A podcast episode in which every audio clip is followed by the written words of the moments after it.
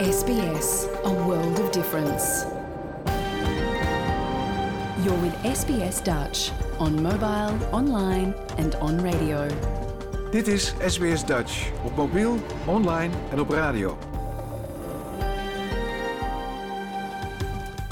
Graag erkennen wij de traditionele eigenaren en verzorgers van het land, van waar we vandaag SBS Dutch uitzenden, en uiten we ons respect aan de Camaragal mensen van de Kurungay Nation en hun ouderlingen uit het heden en het verleden. Ook kennen we de traditionele eigenaren van alle Aboriginal en Torres Strait Islander landen, van waar u vandaag naar ons programma luistert.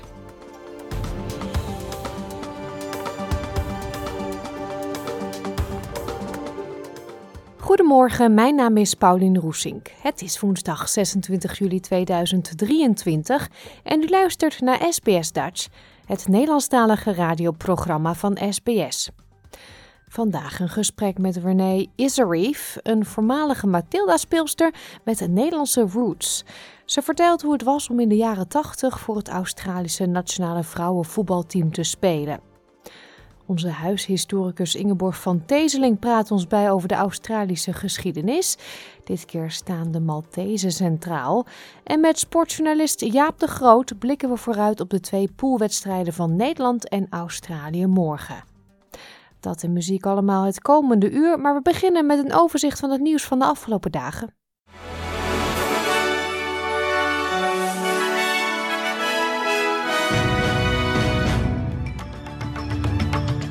Dit is de SBS Weekly News Wrap van woensdag 26 juli. Mijn naam is Pauline Roesink. Een van de machtigste vakbonden van Australië wil dat grote bedrijven belasting gaan betalen om zo de bouw van sociale en betaalbare huisvesting te financieren. De Construction, Forestry, Mining and Energy Union roept op tot een superwinstbelasting om de huizencrisis in het land op te lossen. Volgens de vakbond zou de belasting slechts van toepassing zijn op 0,3% van de bedrijven die de grootste winst maakten. Op het Griekse eiland Corfu moeten mensen gedwongen evacueren omdat de bosbranden zich beginnen te verspreiden over populaire toeristenbestemmingen. In het hele land komt het kwik boven de 40 graden Celsius. Vorig weekend moesten duizenden toeristen en inwoners van het zuidelijke Griekse eiland Rodos ook al evacueren vanwege hevige bosbranden.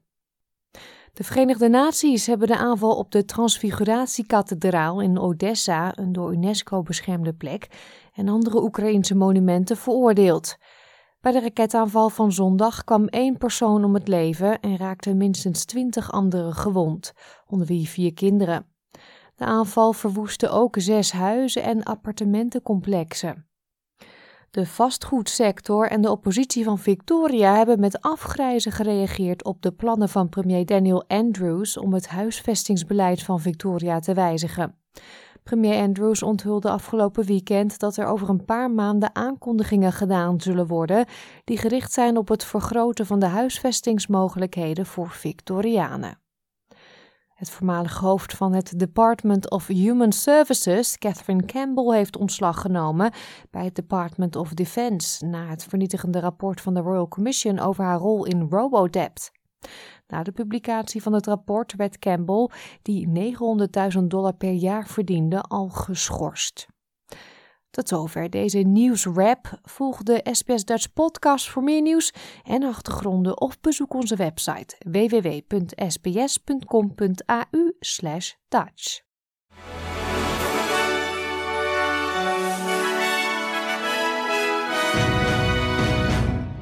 De COVID-pandemie heeft onze houding ten opzichte van thuiswerken compleet veranderd, waardoor het een geaccepteerd onderdeel is geworden van veel functies. Maar net toen we dachten dat thuiswerken een blijvend iets was, hebben enkele grote bedrijven hun beleid aangepast om meer mensen terug naar kantoor te krijgen. SBS Dutch. Deel onze verhalen op Facebook. Voor veel medewerkers is sinds de COVID-lockdowns de traditionele vijfdaagse werkweek verleden tijd. I do three days in the office and two days at home. I, I think it'll become uh, five days in the office pretty soon. I've only just started my job, so I'd rather go in a bit more regularly. Um, but I think that you know I'm pretty self-motivated, so I like to be able to have that option to work from home. Definitely, yeah. Maar veel bedrijven in de stad dwingen hun werknemers weer naar kantoor te komen, waaronder Combank. De bank heeft het personeel onlangs laten weten dat men verplicht de helft van de werkdagen naar kantoor moet komen. De vakbond van de financiële sector, waar het bankpersoneel onder valt, legt de zaak voor aan de Fair Work Commission. Wendy Streets van de vakbond zegt dat het te duur is voor personeel dat gewend is geraakt aan thuiswerken.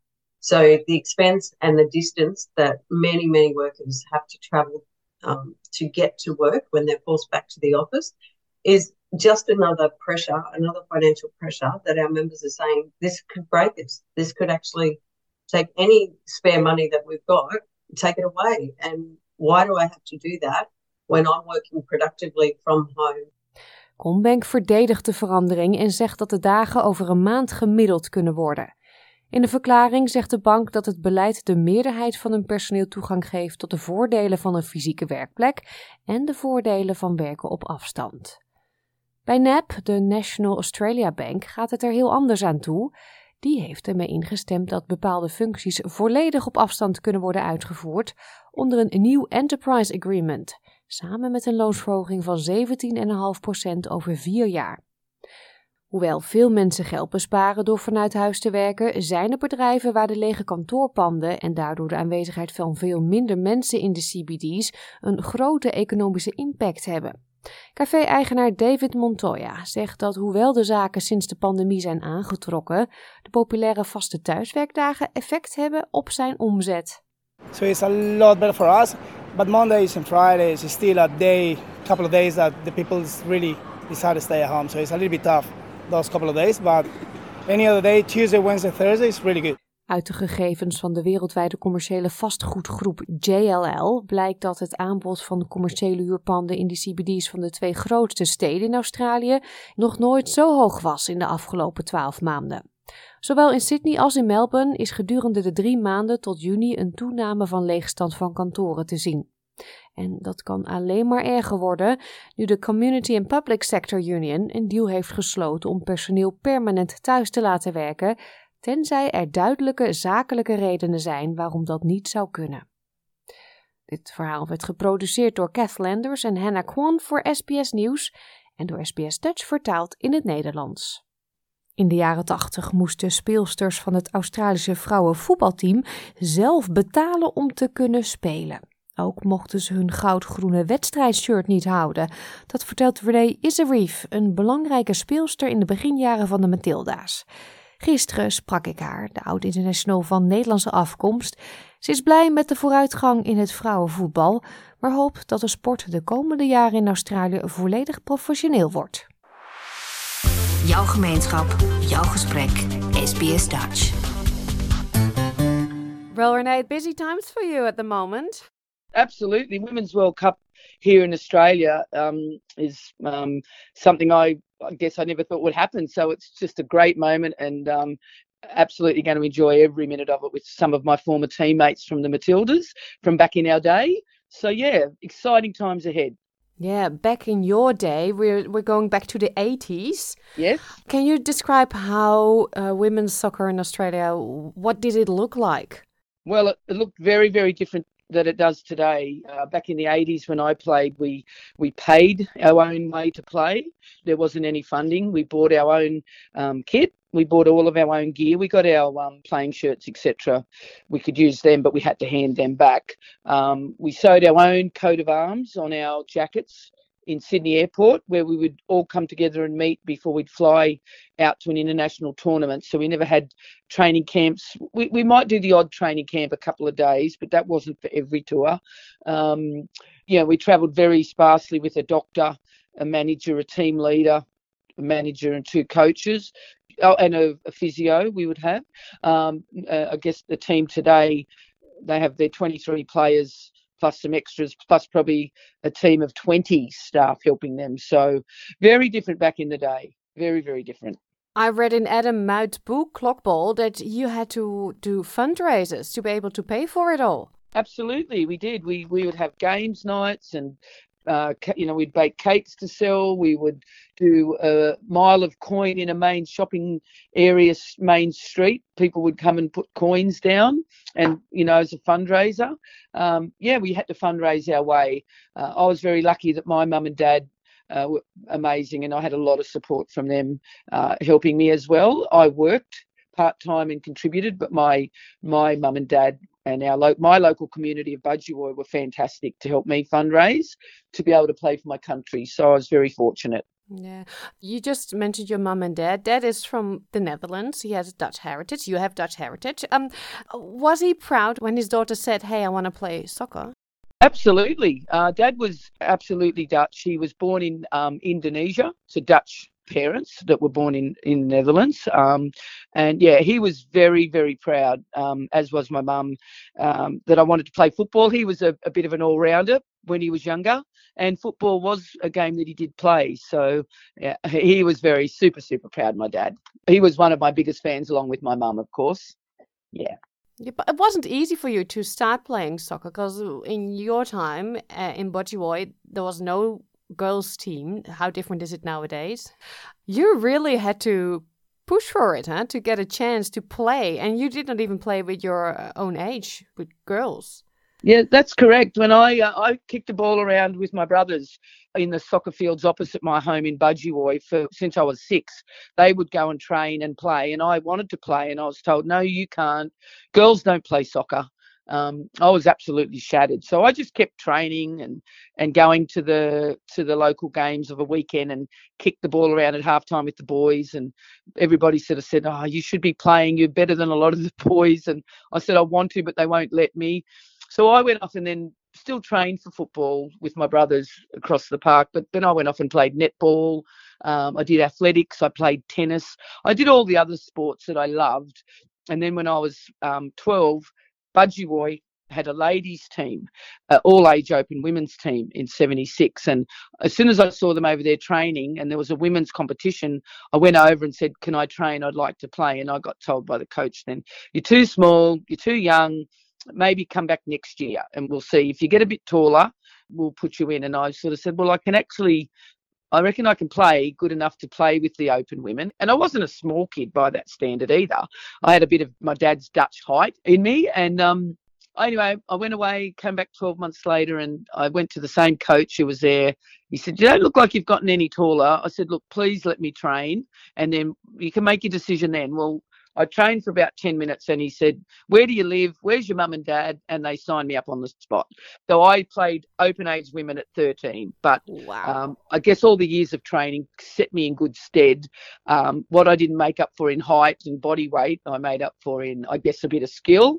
And I could, I was a bit, a bit football smart as well. So I, was, I think that was an advantage for me. So yeah. Mm. So you were a uh, natural born striker, I read. You were like hitting the goal. That's it. Yeah, I was. Uh, that was just the position that came about. I guess I didn't know it at the time when I was a youngster, but when I trained and my, I guess my ball skills, etc., and I, you know, that's all you did with the boys. You'd have shooting practice, and you know, all all the boys wanted to do was get the ball and score goals. So I thought, I'm going to have a part of that. I'm going to do the same thing. So I guess I guess all those years of training and wanting to score goals set me in good stead to become a striker. Which obviously I was very fortunate enough to go on and play um, for Australia, which we didn't have the Matildas name back then, and that was my natural position as a striker. And I was fortunate enough to score about I scored 15 goals in 30 games for my time with the Matildas. So again, those early days in the football paddock across the road um, yeah, made for my position as a striker. Yeah. When I watch soccer, at the men when the national anthems are on, you know, they they don't really seem to care much. You know, it seems like they're in their own world and don't sing. You see much more emotions during the Women World Cup, uh, tears during the anthems.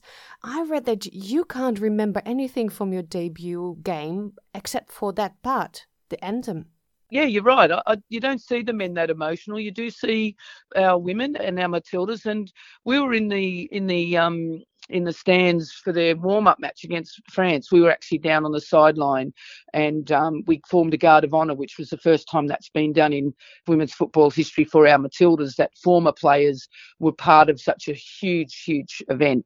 And we stayed out, they actually got us to stay out next to the pitch while the anthems were played. And there was a, a lot of emotional former players, uh, a bit teary, emotional, uh, proud. I think it brings back a lot of memories and history of what we had to give up, what we had to sacrifice to play for our country, and that anthem uh, just sits in my memory and in my heart always for that reason.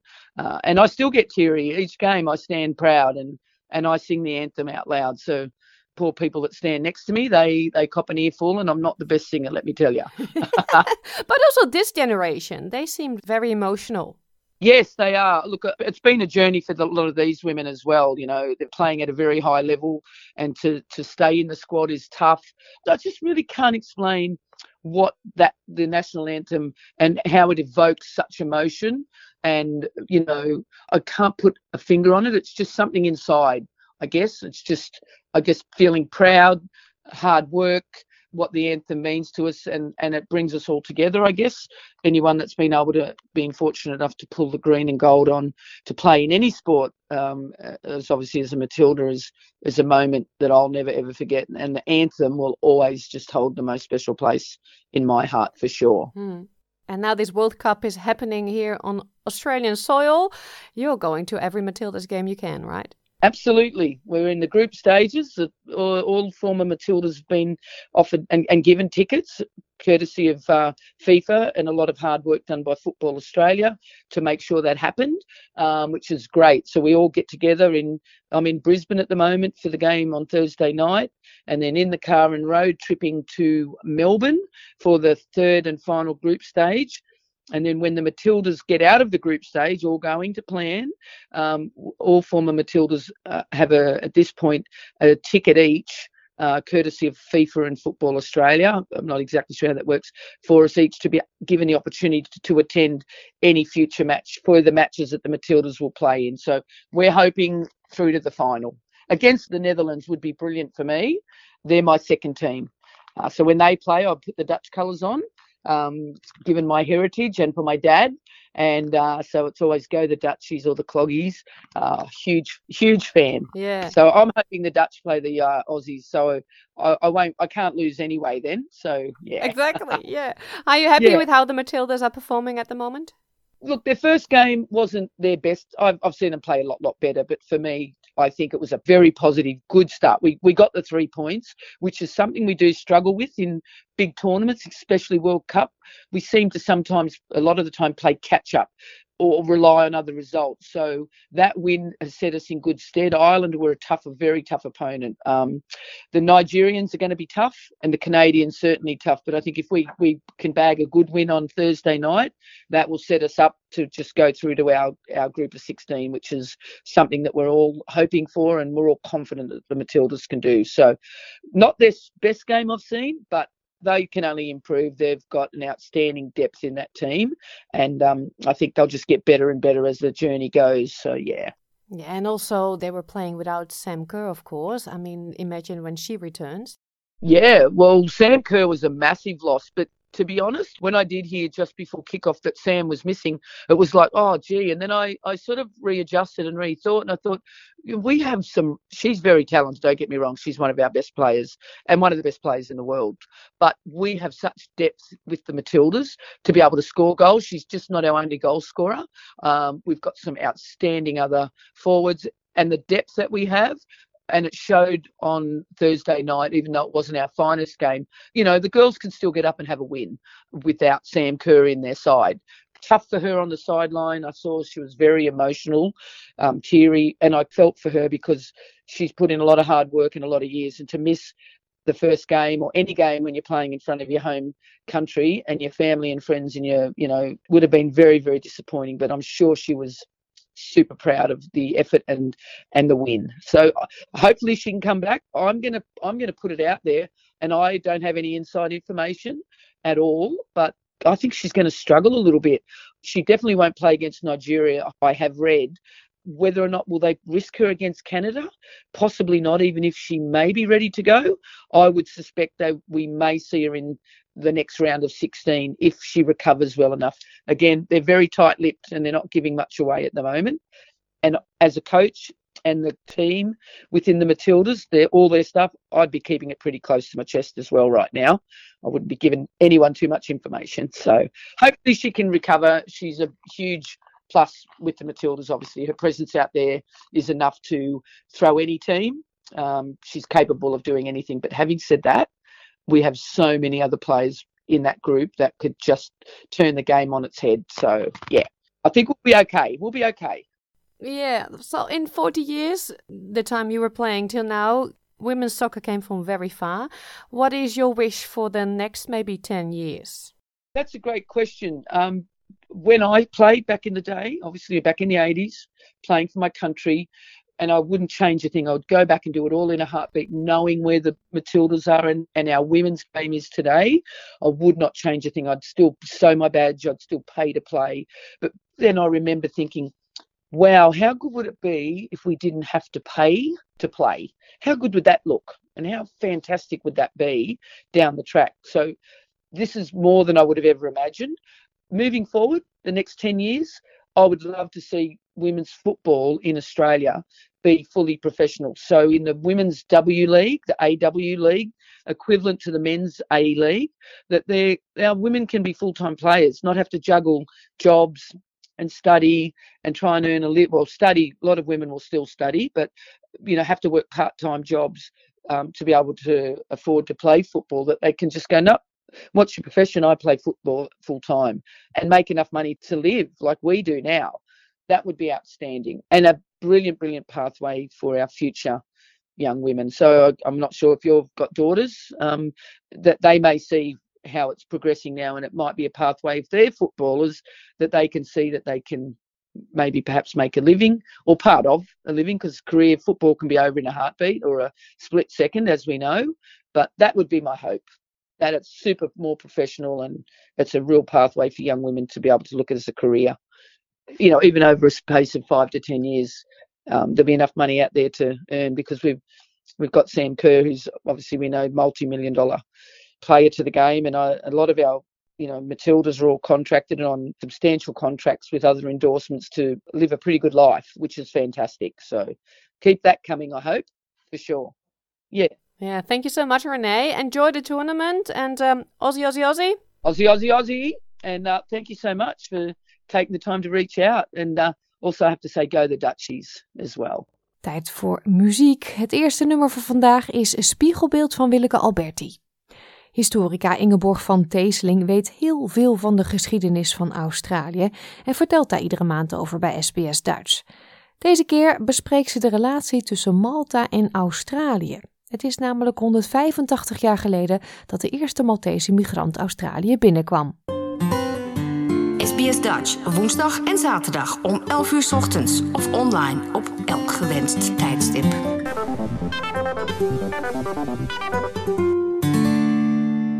Ingeborg, in de afgelopen maanden hebben we al een paar landen onder de loep genomen en gekeken naar hun rol in de Australische geschiedenis. Nu kom jij met Malta. Dat is voor mij van, hè, Malta? Waarom nu en waarom Malta?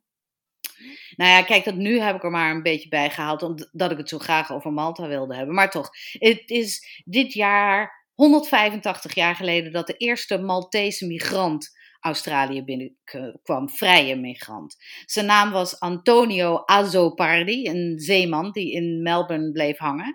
Al snel kocht hij een uh, drukpers en werd printer en uitgever van boeken en kranten.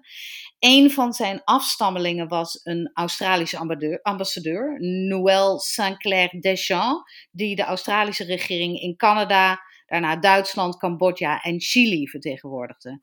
Daarnaast waren het vooral kunstenaars die Azopardi's familie voortbracht, zoals Marguerite Mahout, die in 1926 de eerste vrouw was die een radioprogramma over kunst presenteerde. Heel risqué was dat. Maar eigenlijk zijn Malta en Australië vooral met elkaar verbonden door oorlog. Uh, en dat is eigenlijk ook die verhalen, die zijn de belangrijkste verhalen, vind ik. En daarom wilde ik het graag over Malta hebben. Kijk, de eerste Maltese die en masse in Australië kwamen, waren gevangenen in 1810. Dus Maltese convicts, zou ik maar zeggen. Malta heeft een groot probleem en dat heeft haar door de eeuwen heen veel gedoe opgeleverd de strategische locatie van het eiland in het midden van de Middellandse Zee. In 1810 woedde er een serie oorlogen tussen Engeland en Frankrijk, de Napoleontische oorlogen. En Malta was eerst een Franse kolonie tot 1800 en daarna een Britse. En die maakten er gelijk een strategische basis van.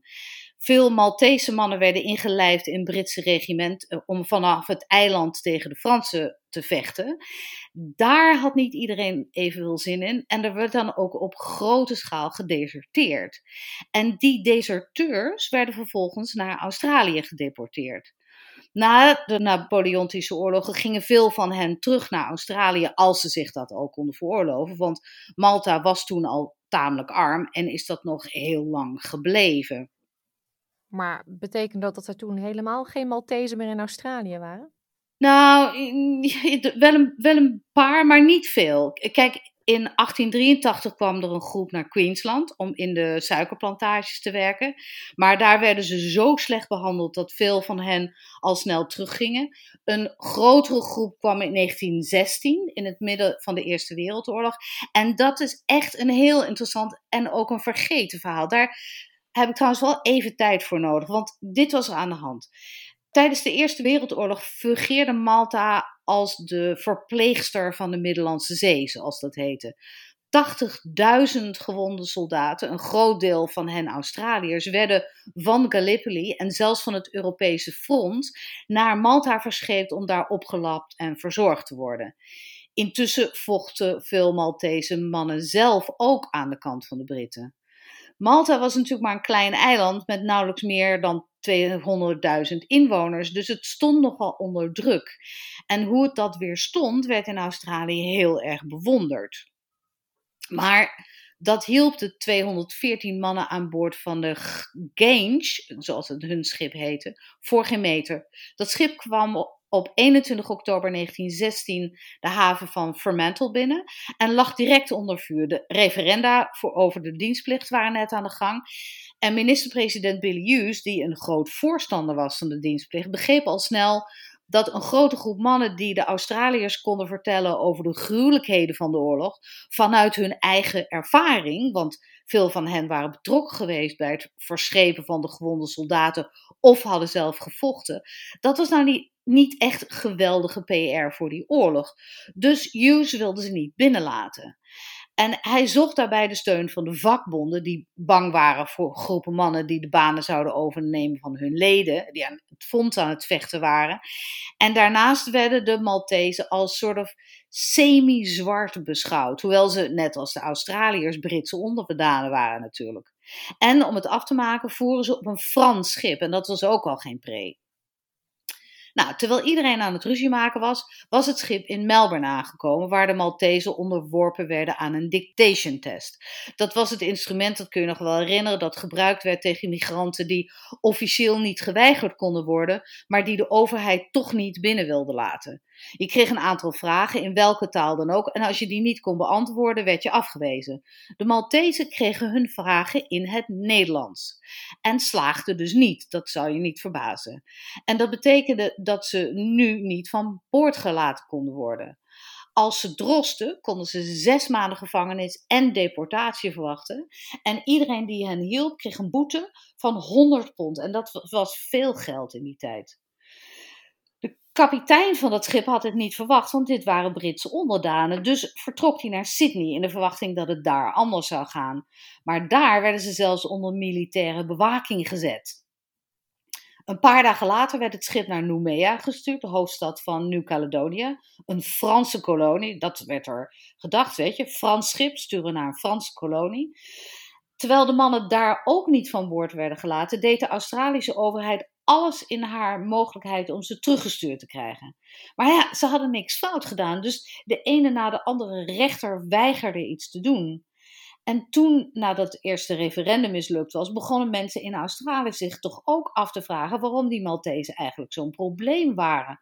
Want ze waren wit, soort van in ieder geval, en Britse onderdanen en christenen, zeiden steeds meer journalisten en organisaties. Dus waarom mochten ze er dan niet in? In januari 1917 bleek dat 63 van de 241 opvarenden aan de kant van de Australiërs bij Gallipoli hadden gevochten. En in februari begon de gouverneur van New South Wales extra hard voor hen te lobbyen, ook daarom. Maar ook omdat Sir Gerald Strickland was geboren en getogen in Malta. En hij vond de behandeling van zijn landgenoten echt schandalig. Dat kostte hem trouwens zijn baan. De New South Wales premier, uh, William Holman, werd zo boos dat hij Engeland vroeg om Strickland terug te roepen, wat het trouwens deed. Strickland zou later uh, overigens de minister-president van Malta worden, maar daar had hij nou niks aan en de Maltese ook niet. Maar steeds meer mensen begonnen zich voor hen in te zetten. Zo was er bijvoorbeeld uh, Arthur Rickard, een makelaar, die ook de oprichter was van wat de Miljoenenclub heette. Dat was een soort voorganger van het idee wat er na de Tweede Wereldoorlog heel populair zou worden, namelijk het toelaten van zoveel mogelijk Britse onderdanen om de dreiging van het gele gevaar van Azië tegen te gaan. Rickard schreef naar zoveel mogelijk kranten dat het gedoe met die Maltese nou maar eens op moest houden. Dat is slecht voor onze reputatie, slecht voor de toekomst. Want als we nu al witte migranten weigerden, die notabene ook nog bewezen hadden dat ze aan de kant van Australië stonden, waar moest het dan heen met de wereld? Omdat Rickard nogal wat invloed had, kreeg de zaak in maart van 1917 de aandacht van zowel de federale als de staatsparlementen. En die begonnen druk op Billy Hughes uit te oefenen. Eerst wilde Hughes er trouwens niks van weten. Maar toen begonnen steeds meer mannen overboord te springen. En ging hij toch uiteindelijk overslag, overstag. Hij vroeg een katholieke priester, William Bonnet, die de mannen aan boord geestelijk had bijgestaan, om banen voor hen te zoeken. En te zorgen dat ze zich zouden aansluiten bij de vakbonden. Dan mochten ze blijven. En zo gebeurde het ook. Op 21 maart 1970, precies vijf maanden nadat ze Australië waren binnengekomen, mochten ze van boord. En ze gingen eigenlijk direct aan het werk. Ze hielpen met de constructie van Burnjup Dam bij Yes. Anderen bouwden stukken treinrails in New South Wales of werkten in de mijnen in Tasmanië. En dat was dus de tweede keer dat de Maltezen in Australië met de gevolgen van een oorlog te maken hadden gekregen. Weet je, wat een verhaal. En ik heb zo'n vermoeden dat je me gaat vertellen dat er ook een derde keer was. Ja, ik vrees van wel. Tussen 40 en 42, dus één oorlog later, was er het beleg van Malta, waar Italiaanse en nazi-troepen vochten tegen Britten en Australiërs, Nieuw-Zeelanders, Zuid-Afrikanen, Canadezen aan de andere kant. Het was beide ook weer te doen om de strategische positie van het eiland. Bombarderen en doodhongeren was het doel van de nazi's, hadden ze gezegd. En dat deden ze dan ook.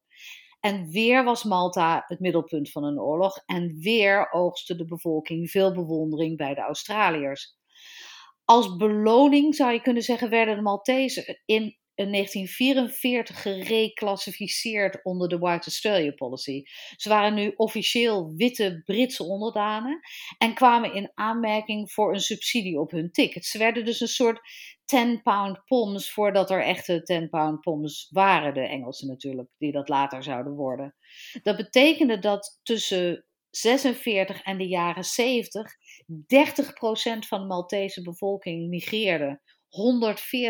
140.000 mensen. En bijna 60% daarvan kwam naar Australië. Doordat ze goedkoop konden reizen natuurlijk, maar ook omdat er gedeelde geschiedenis was dus met Australië, door wat ze samen tijdens de Tweede Wereldoorlog hadden meegemaakt. En het werd ook gestimuleerd door Engeland, omdat Malta heel arm was en wel wat hulp kon gebruiken.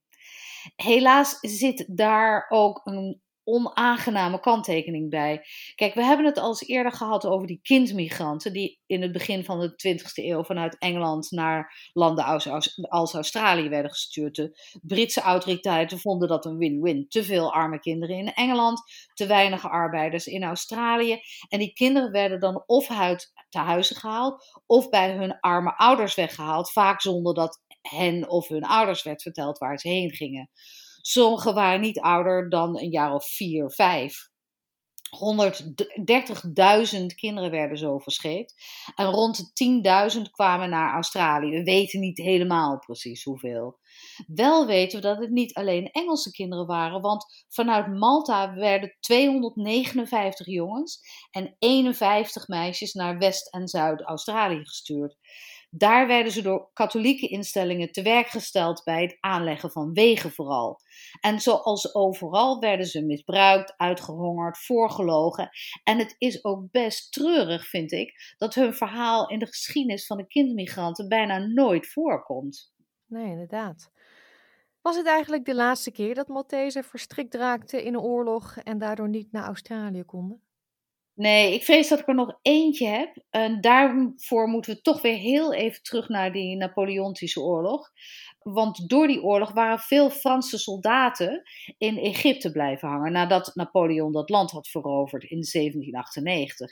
In Egypte woonden ook Maltese, want totdat Australië het migratieland werd, gingen de meeste Maltese migranten naar Noord-Afrika. Dat is natuurlijk veel dichterbij. En dat bleven ze ook doen tot 1920 of zo. Tegen die tijd woonden er zo'n 20.000 Maltezen in Egypte. En een groot deel daarvan had één Maltese ouder en één Franse ouder bijvoorbeeld. En vaak waren die ook tweetalig. Ze spraken Maltees en Frans, maar geen Engels. En dat was wel geestig, want Officieel waren ze als Maltezen natuurlijk nog steeds Britse onderdanen. En dat werd een probleem in 1956 toen de Suezcrisis plaatsvond.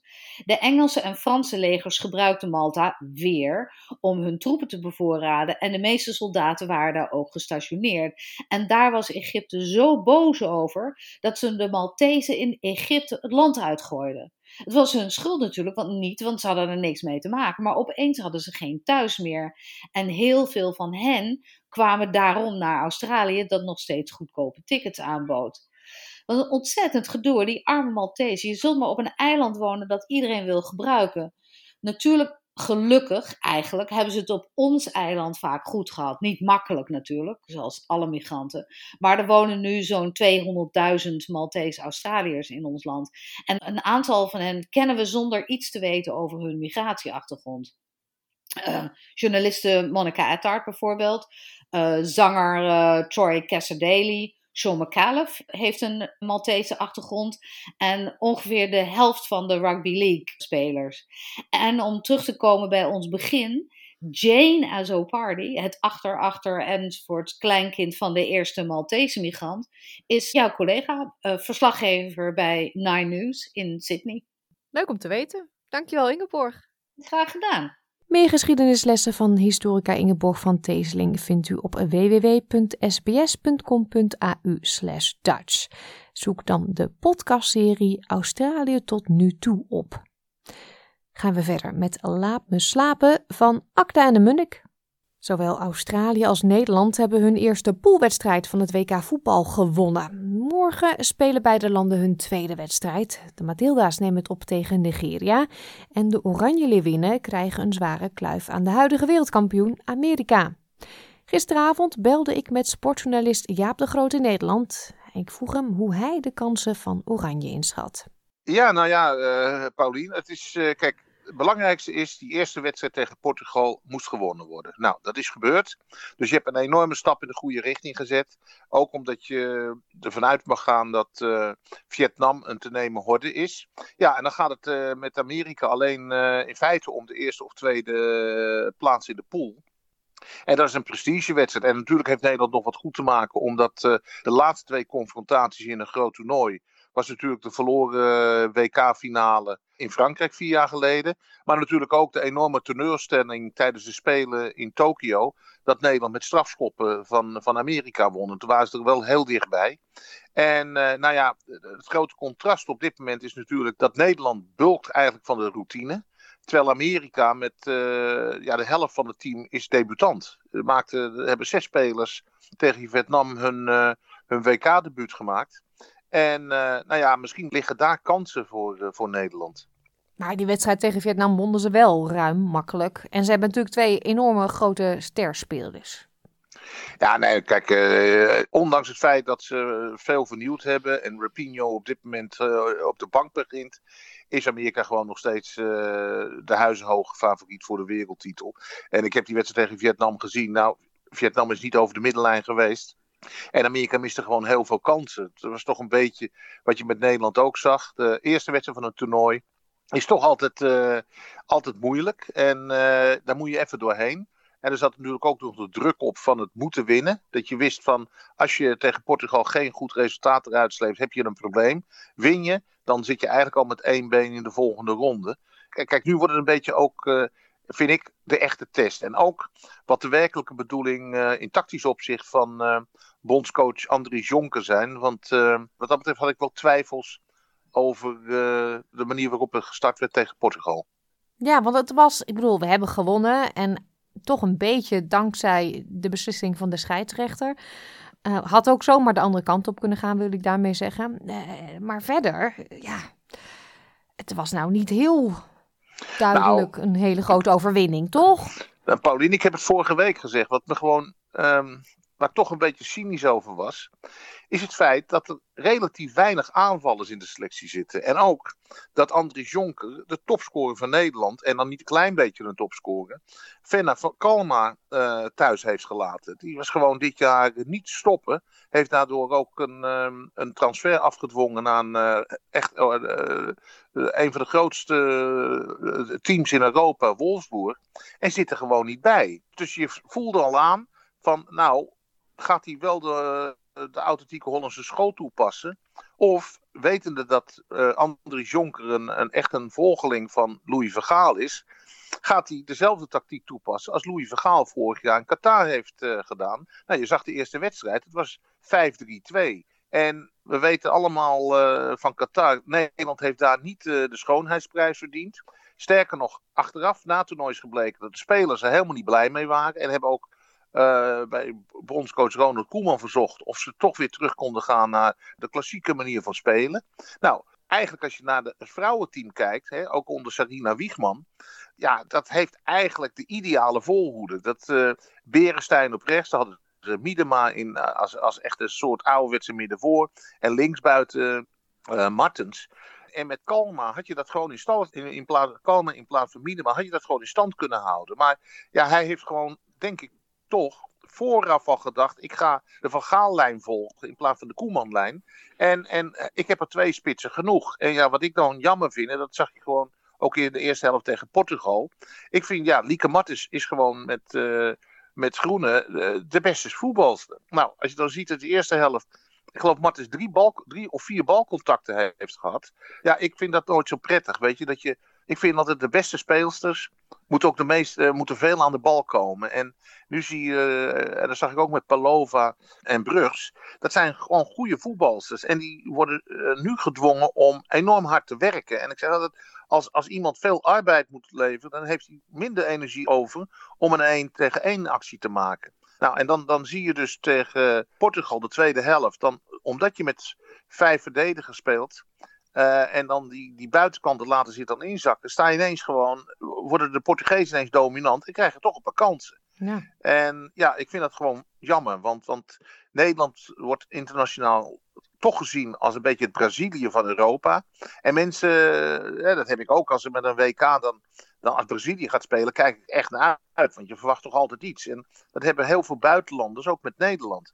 Ja, in Qatar hebben ze een, een manier van spelen gezien bij de mannen die, uh, ja, die, die, ja, daar kunnen er 13 van in een dozijn. Niet typisch Nederlands. Ja, het zou jammer zijn als het met dit WK ook het geval was. En dat was in ieder geval tegen Portugal wel zo. Ja, en dan Berenstein ook nog geblesseerd het veld af.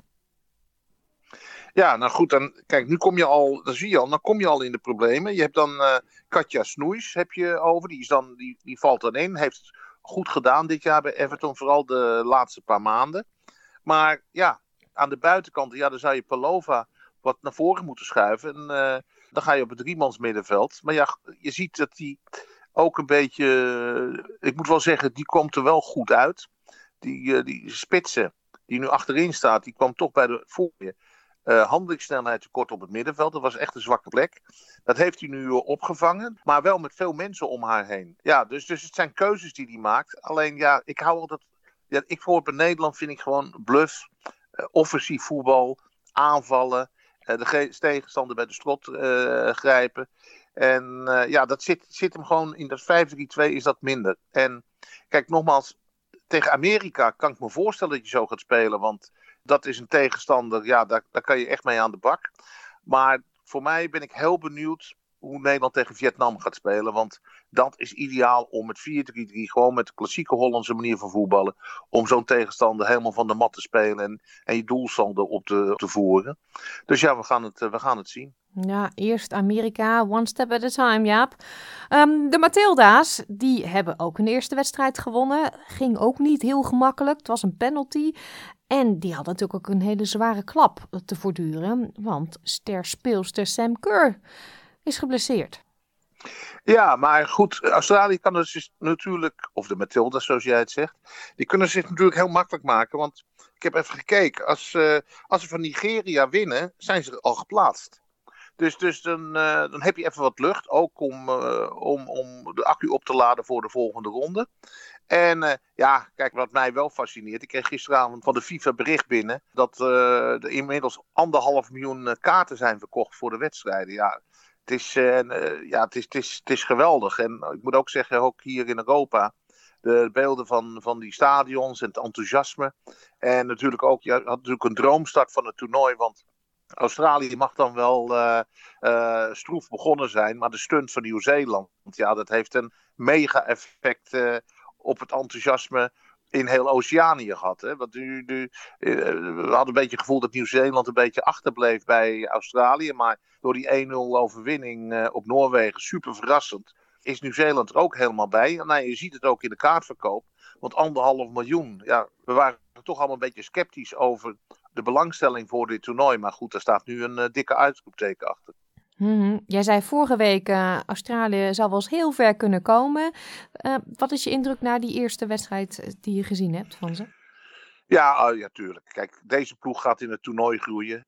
het publiek staat er 100% achter. Ze hebben ook wel een redelijk gunstige groep. Weet je, de, deze groep kan je gewoon, kan je gewoon goed doorheen komen. Ja, en, en als ze eerste worden in de pool, dan voorkom je dat je in de tweede ronde tegen Engeland moet. Dan speel je waarschijnlijk tegen, ik denk tegen, waarschijnlijk toch tegen China. Nou, die, die kan je hebben. Nou, dan zit je al aardig een eindje in het toernooi. Dus wat dat betreft, ja, als we dan terugkijken, even terugblikken of refereren aan wat ik vorige week zei. Amerika en Engeland favoriet voor de halve finale. Australië als dark horse noemde ik Japan. Nou, die zijn natuurlijk geweldig gestart met een 5-0 overwinning op Zambia. Wat, in de, wat in, de voor, in de voorbereiding nog verrassende uitslagen boekte. Maar goed, nu werden ze volledig weggespeeld door, door de Japanners. Dus wat dat betreft heb ik ook een gevoel dat Japan ook nog kan gaan stunten dit toernooi. Ja, morgen, donderdag, Nederland tegen Amerika en dus ook Australië tegen Nigeria. Even jouw voorspelling nog? Australië eh, plaatst zich voor de volgende ronde. Die gaan dus gewoon winnen. En um, ik denk Nederland, ik, ik, denk dat ze toch accent op de verdediging gaan leggen. Uh, de verdediging staat goed. Uh, veel routine. Uh, ik denk dat het een gelijkspel wordt. En dan, ja, dan, dan komt het aan op die laatste wedstrijd op het doelsaldo. Want Amerika heeft maar met 3-0 van Vietnam gewonnen. Nou ja, als Nederland gewoon op een uh, oer-Hollandse manier dan vol erin gaat en dan uh, een monsterscore neerzet, dan wordt Nederland eerst in de pool. En dan kan in uh, Sydney de vlag uit. Dankjewel Jaap. Graag gedaan, Paulien. We komen hiermee aan het einde van deze aflevering van SBS Dutch. Op onze website www.sbs.com.au